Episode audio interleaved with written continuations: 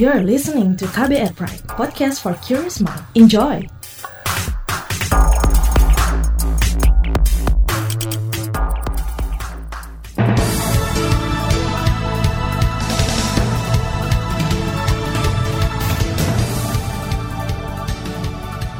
Selamat pagi saudara, senang sekali rasanya saya Reski Mesanto pagi hari ini hadir melalui program Buletin Pagi edisi Rabu 23 September 2020. Pagi hari ini tim redaksi KBR telah menyiapkan informasi untuk Anda. Di antaranya pandemi belum usai Indonesia diambang resesi ekonomi. Bawaslu rekomendasikan penetapan dan pengundian pasangan calon secara daring dan proses BLT dana desa warga di Aceh Barat jadi tersangka. Dan saudara, inilah Buletin Pagi selengkapnya. Terbaru di Buletin Pagi. Kita mulai Buletin Pagi hari ini, saudara perekonomian Indonesia bersiap memasuki kondisi resesi. Resesi adalah kondisi kegiatan perekonomian yang melambat atau bahkan berhenti. Sejumlah indikatornya antara lain pengangguran meningkat dan produksi industri menurun. Suatu negara termasuk Indonesia dianggap mengalami resesi bila dalam dua kuartal berturut-turut pertumbuhan ekonominya negatif.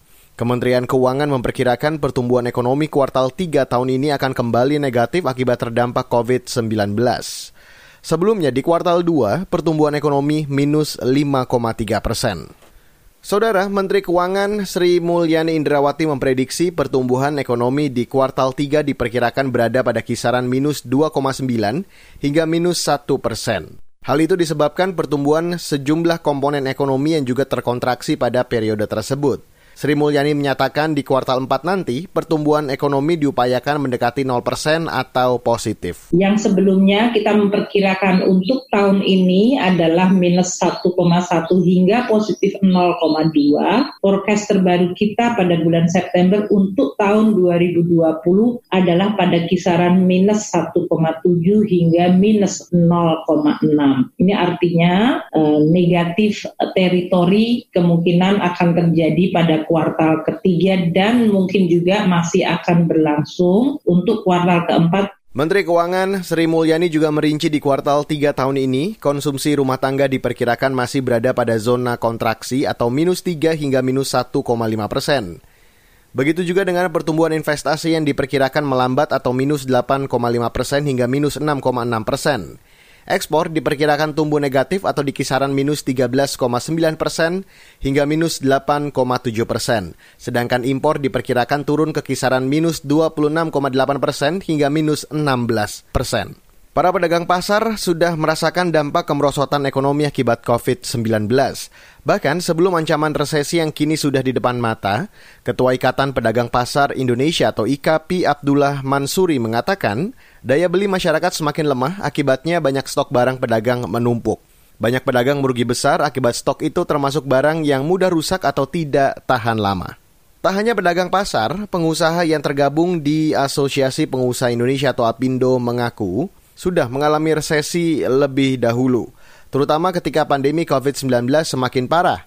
Ketua Asosiasi Pengusaha Indonesia atau APindo Bidang Kebijakan Publik Sutrisno Iwantono mengatakan, sejak status pandemi dan pemberlakuan pembatasan sosial berskala besar atau PSBB, semua pengusaha terus berusaha mempertahankan usahanya hingga sekarang. Dampaknya satu penghasilan turun, kemudian cash flow kita kan defisit ya berat ya kemudian kewajiban-kewajiban kita banyak yang kita nggak bisa penuhi. Kemudian biaya kemudian tidak tertutupi lagi. Dari mana kita menutupi biaya-biaya tetap? Biaya tetap yang harus dikeluarkan. Mm-hmm. Nah akibatnya kan kita mengurangi segala macam lini uh, pos-pos biaya. Dan itu akibatnya apa? Satu tentu akan ada pengurangan tenaga kerja. Ketua Pindo Bidang Kebijakan Publik Sutrisno Iwantono menambahkan, salah satu cara agar dunia usaha tetap bisa terselamatkan saat ini adalah dengan mendorong daya beli masyarakat. Pemerintah juga diminta memberi keringanan pajak daerah, tanah, dan air, serta pajak-pajak lain yang semakin menambah beban.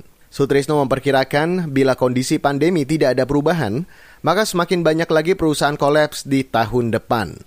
Sementara itu, pemerintah mengklaim sudah menggulirkan sejumlah kebijakan untuk mengerem laju penurunan produk domestik bruto atau PDB, termasuk stimulus di sektor real.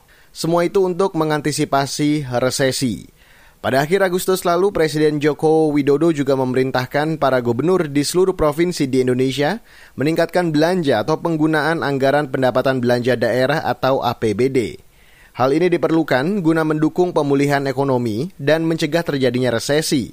Sebab catatan Presiden, rata-rata nasional belanja APBD belum mencapai 50 persen. Kita masih punya kesempatan di bulan September ini kalau kita masih berada pada posisi minus, artinya kita masuk ke resesi. Karena itu saya minta percepat belanja APBD provinsi dan perintahkan untuk Bupati Wali Kota agar APBD kabupaten dan kota, terutama yang berkaitan dengan belanja barang, belanja modal, belanja bansos, ini betul-betul disegerakan. Itu tadi Presiden Joko Widodo. Sementara itu, ekonom senior Indef Eni Sri Hartati menuturkan pertumbuhan ekonomi pada kuartal 3 tahun ini beresiko jatuh lebih dalam dibanding kuartal sebelumnya. Ia beralasan penjualan retail masih negatif, kemudian ditambah penurunan daya beli masyarakat dengan tingkat ekonomi 40 persen terbawah. Begitu juga penekanan kredit dan konsumsi sekunder oleh 20 persen masyarakat tingkat ekonomi teratas dialihkan ke peningkatan tabungan. Menurut Eni, dampak resesi secara langsung ke masyarakat yaitu penurunan kualitas hidup. Uh, akses mereka terhadap pemenuhan kebutuhan pokok juga menurun, gitu. Jadi quality of life-nya kan jadi menurun itu pertama. Nah kedua adalah akses mereka untuk mendapatkan kemudahan pekerja, uh, mendapatkan pekerjaan pasti akan semakin sulit. Resesi itu artinya buat masyarakat lebih banyak kedua sisi itu. Uh, sisi untuk pemenuhan kebutuhan pokok yang tidak semudah uh, ketika Ekonom senior Indef Eni Sri Hartati menambahkan resesi juga meningkatkan ancaman PHK massal. Ia beralasan perusahaan akan sulit menjual produk atau jasanya karena daya beli masyarakat menurun. Sementara ongkos produksi seperti sewa kios atau kantor serta gaji karyawan masih tetap seperti kondisi normal. Eni menegaskan program pemulihan ekonomi nasional pemerintah juga tidak efektif meningkatkan daya beli masyarakat – yang mencontohkan bantuan sosial untuk pekerja sebesar Rp600.000 per bulan yang dinilai tidak cukup untuk biaya hidup karyawan, terutama yang jadi korban PHK.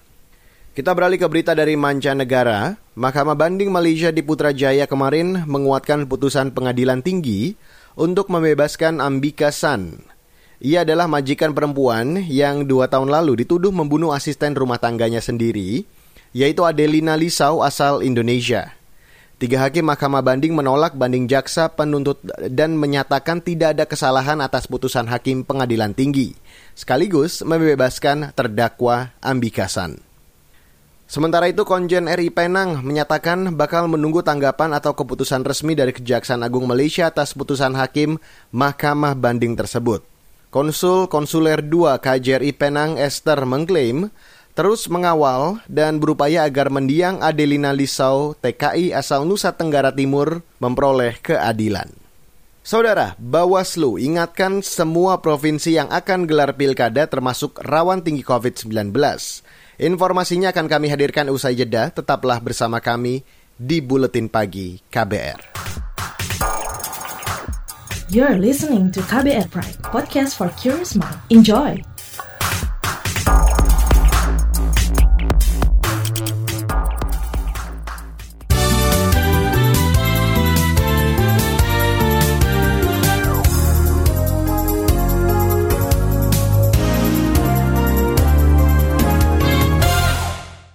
Saudara, Badan Pengawas Pemilu atau Bawaslu merekomendasikan agar Komisi Pemilihan Umum atau KPU melaksanakan tahapan penetapan dan pengundian pasangan calon secara daring atau online. Dua tahapan itu akan berlangsung pada hari ini dan besok.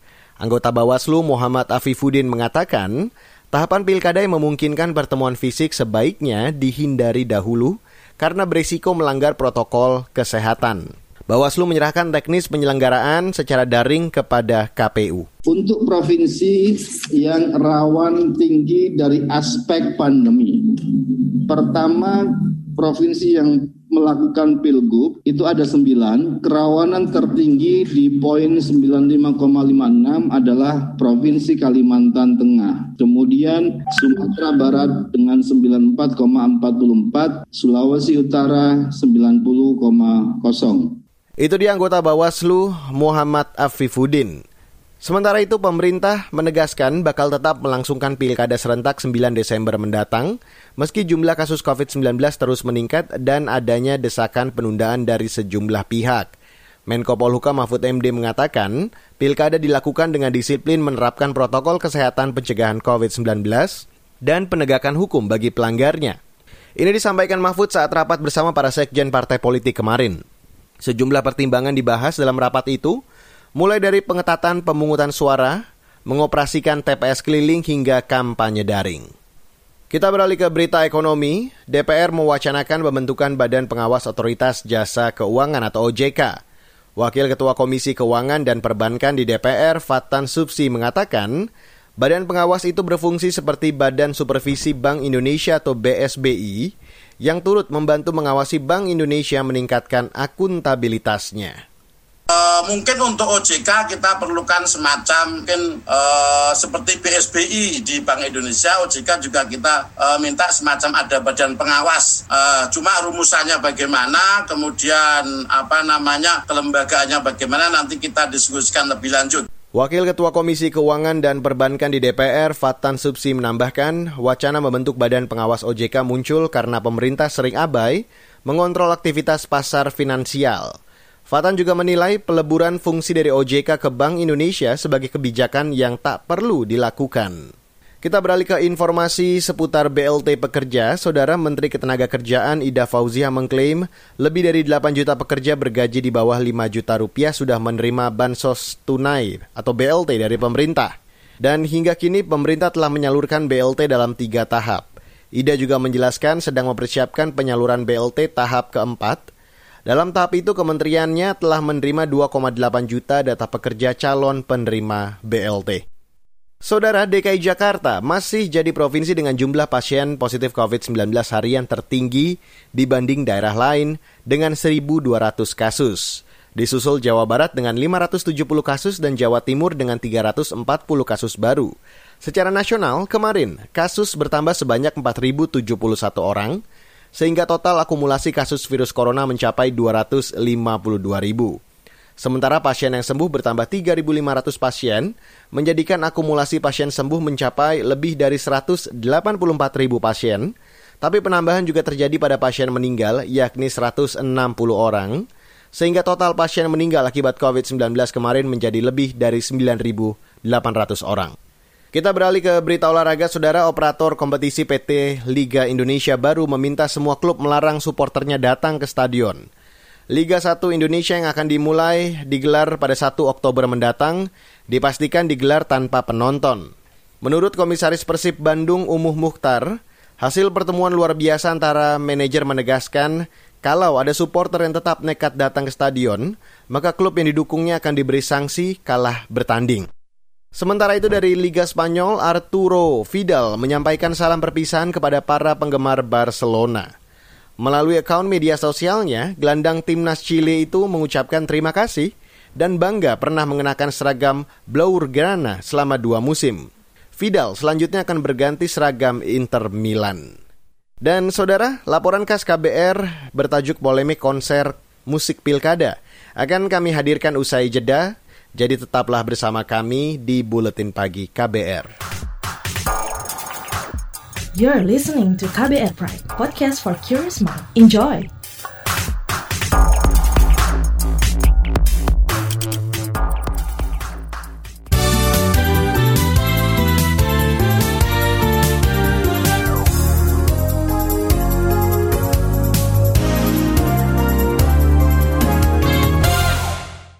Pemerintah dan DPR sudah menyepakati pilkada serentak tetap digelar 9 Desember mendatang. Keputusan ini menyisakan tanda tanya tentang nasib kampanye lewat konser musik. Di aturan terbaru, penyelenggara pemilu mengizinkan konser digelar dengan sejumlah pembatasan. Namun tak sedikit yang mendesak ketentuan ini dicabut. Lantas bagaimana respon dari para pekerja seni? Simak di bagian 3 Buletin Pagi. Fazrin Mustakin kesal dengan aturan pilkada yang membolehkan konser musik saat kampanye. Gitaris band indie Skastra ini merasa aturan itu tidak adil bagi musisi seperti dirinya. Ia dan Skastra selama enam bulan terakhir menahan diri, tidak menggelar konser langsung demi mematuhi protokol kesehatan. Seluruh jadwal manggung dibatalkan, yang artinya sama sekali tidak ada pemasukan. Lucu sebenarnya ya, kita dari golongan musisi ya, sudah cukup menahan untuk mengikuti peraturan pemerintah. Tidak ada konser, tidak boleh membuat acara yang mengumpulkan masa gitu. Tapi sekarang tiba-tiba keluar seperti itu kan seperti plan gitu pemerintah maunya apa. Fazrin tak menampik konser musik saat momen pilkada adalah lumbung pendapatan bagi pekerja seni. Namun di era pagebluk perlu ada perubahan dalam metode agar keamanan dan keselamatan terjamin. Tapi di sisi lain nih kalau kita lihat musisi juga butuh masukan mungkin ya. Jadi mungkin yang harus beradaptasi mungkin bisa nggak sih kampanyenya itu menjadi online gitu. Jadi tetap bisa menggunakan musik, musik musisinya juga bisa dapat pendapatan dengan cara online. Ya menurut saya sih gitu sih. Itu win-win solution ya daripada menyelenggarakan live music saat pilkada berpotensi akan membuat klaster baru kan yang nantinya akan baik lagi menyusahkan kita semua gitu. Pekerja seni di daerah mengamini momen pilkada biasanya sangat dinanti karena banyak order manggung. Namun, situasi pandemi membuat mereka dilanda dilema. Arianto, pemilik Orkes Dangdut Dewangga di Gresik, Jawa Timur, mengaku bimbang jika nanti ada tawaran mengisi konser saat kampanye. Di satu sisi, ia dan kru lain butuh duit, tetapi khawatir dengan potensi tertular atau menularkan virus corona. Menurut saya sih pribadi sih sebetulnya sih enggak sih untuk kumpul-kumpul seperti itu. Sebetulnya sih enggak sih. Cuman kalau diperbolehkan ya nggak apa-apa ya diperbolehkan. Tapi menurut pribadi sebetulnya nggak usah dulu lah kalau untuk pandemi seperti ini. Imbasnya yang kita nang kita sendiri juga ya kalau kita nggak berhati-hati. Sulit lah kalau boleh atau nggak boleh gimana ya itu pencarian uang itu? Repot ya kalau dapat seperti itu bingung saya pak Arianto mengakui pandemi memukul orkes dangdutnya. Selama berbulan-bulan mereka tak pernah manggung karena tidak ada order. Untuk selama pandemi ini belum pernah ya. ya hampir eh, kurang lebih lima bulan ini nggak nggak pernah keluar ini nggak nggak ada job lah maksudnya seperti itu sebelumnya itu satu minggu aja kadang sekali atau dua kali gitu kalau musim-musimnya ya apalagi kalau Agustusan atau hari-hari seperti itu ya full satu bulan itu hampir satu minggu itu tiga kali empat kali Aturan soal konser musik pilkada termuat dalam Peraturan Komisi Pemilihan Umum PKPU Nomor 10 Tahun 2020. Di dalamnya disebutkan bahwa konser bisa digelar dengan peserta maksimal 100 orang. Begitu menyeruak ke publik, banyak desakan muncul untuk merevisi ketentuan itu. Pasalnya, konser kampanye pilkada selalu mengundang kerumunan. Apalagi menilik fakta saat pendaftaran bakal pasangan calon kemarin, mayoritas kandidat melanggar protokol kesehatan. KPU kemudian merespon desakan ini dengan menjanjikan akan segera mengubah isi PKPU. Namun, KPU mengingatkan revisi aturan akan tetap mengacu ke regulasi yang lebih tinggi, yakni Undang-Undang Pilkada. Dalam UU tersebut, rapat umum seperti konser musik tetap diperbolehkan. Pelaksana harian Ketua KPU Ilham Saputra. Prinsipnya KPU siap untuk kemudian melakukan eh, apa revisi terhadap PKPU, tapi sekali lagi tentu harus mengacu kepada undang-undang yang memang KPU bisa ambil sebagai dasar hukum. Kita khawatir ada celah hukum ketika kita membuat PKPU tersebut tidak berdasarkan undang-undang. Prinsipnya PKPU 10 kita siap untuk kemudian melakukan perubahan. Juga PKPU 4 tahun 2017 sudah ada draftnya untuk kita undang akan segera dan kita sedang melakukan harmonisasi dengan Kumham. Sementara itu, Menteri Koordinator Politik Hukum dan Keamanan Mahfud MD meminta revisi PKPU rampung sebelum kampanye dimulai 26 September mendatang. Menurutnya, revisi bisa mempertimbangkan usulan larangan kampanye yang menyebabkan kerumunan. Dalam hal penegakan protokol kesehatan selama pilkada, Mahfud menyebut Kapolri Idam Aziz sudah mengeluarkan maklumat. Salah satu isinya menyebut pelanggar protokol bisa dipidana. Polri didukung TNI, Satpol PP, dan Pemda akan melakukan penegakan disiplin dan hukum sesuai dengan maklumat Kapolri. Maklumat Kapolri nomor 3 tahun 2020 eh, di situ ada perintah penegakan hukum pidana juga kalau terpaksa dilakukan eh, dengan catatan bahwa penegakan hukum pidana itu bersifat ultimum remedium tindakan terakhir jika langkah-langkah persuasif sudah tidak bisa lagi dilakukan karena selalu dilanggar. Demikian laporan tim KBR, saya Astri Yuwanasari. Saudara, informasi dari daerah akan kami hadirkan usai jeda, jadi tetaplah bersama kami di Buletin Pagi KBR. You're listening to KBR Pride, podcast for curious mind. Enjoy!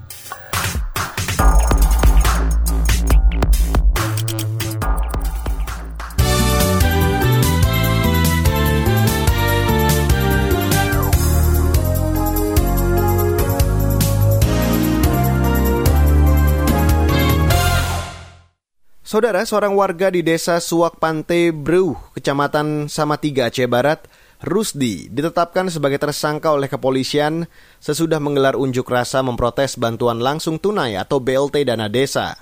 Rusdi memprotes BLT yang diduga tidak tepat sasaran dan tidak transparan.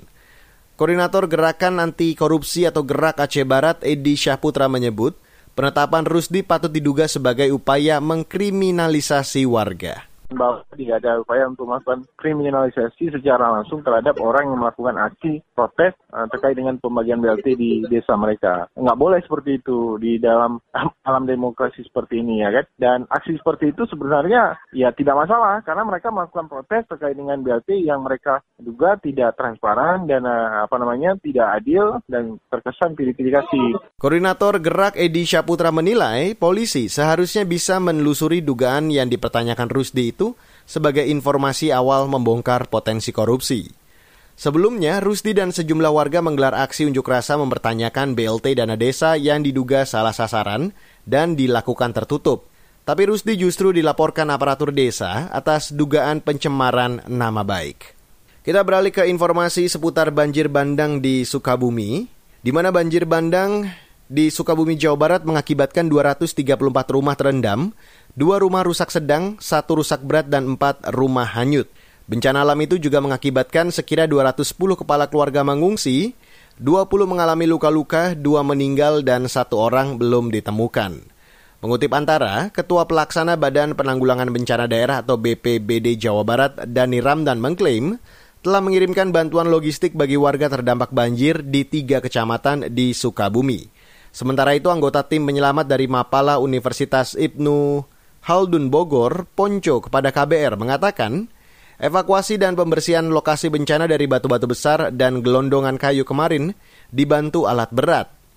Sebelumnya, banjir bandang menerjang Kecamatan Cicuruk, Sukabumi, Jawa Barat, Senin sore lalu.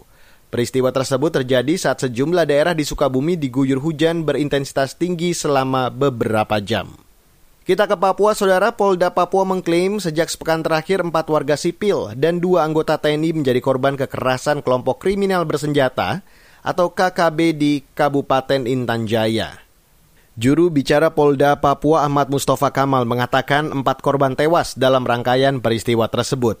Dan hingga kini tim gabungan TNI Polri masih terus mengejar pelaku. Juru bicara Polda Papua Ahmad Mustafa Kamal mengatakan kejadian penembakan pertama terjadi pada 14 September lalu. Korban adalah dua warga sipil.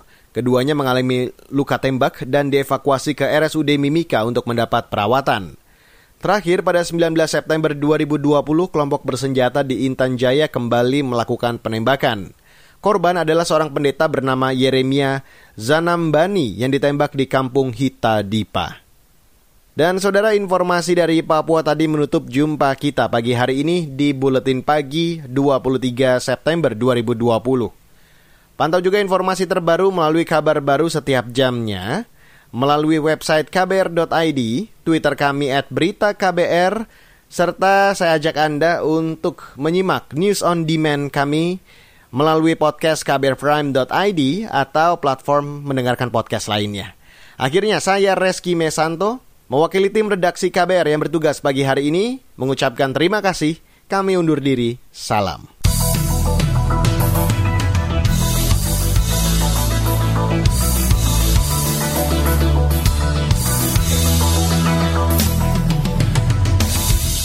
KBR Prime, cara asik mendengar berita. KBR Prime, podcast for curious mind.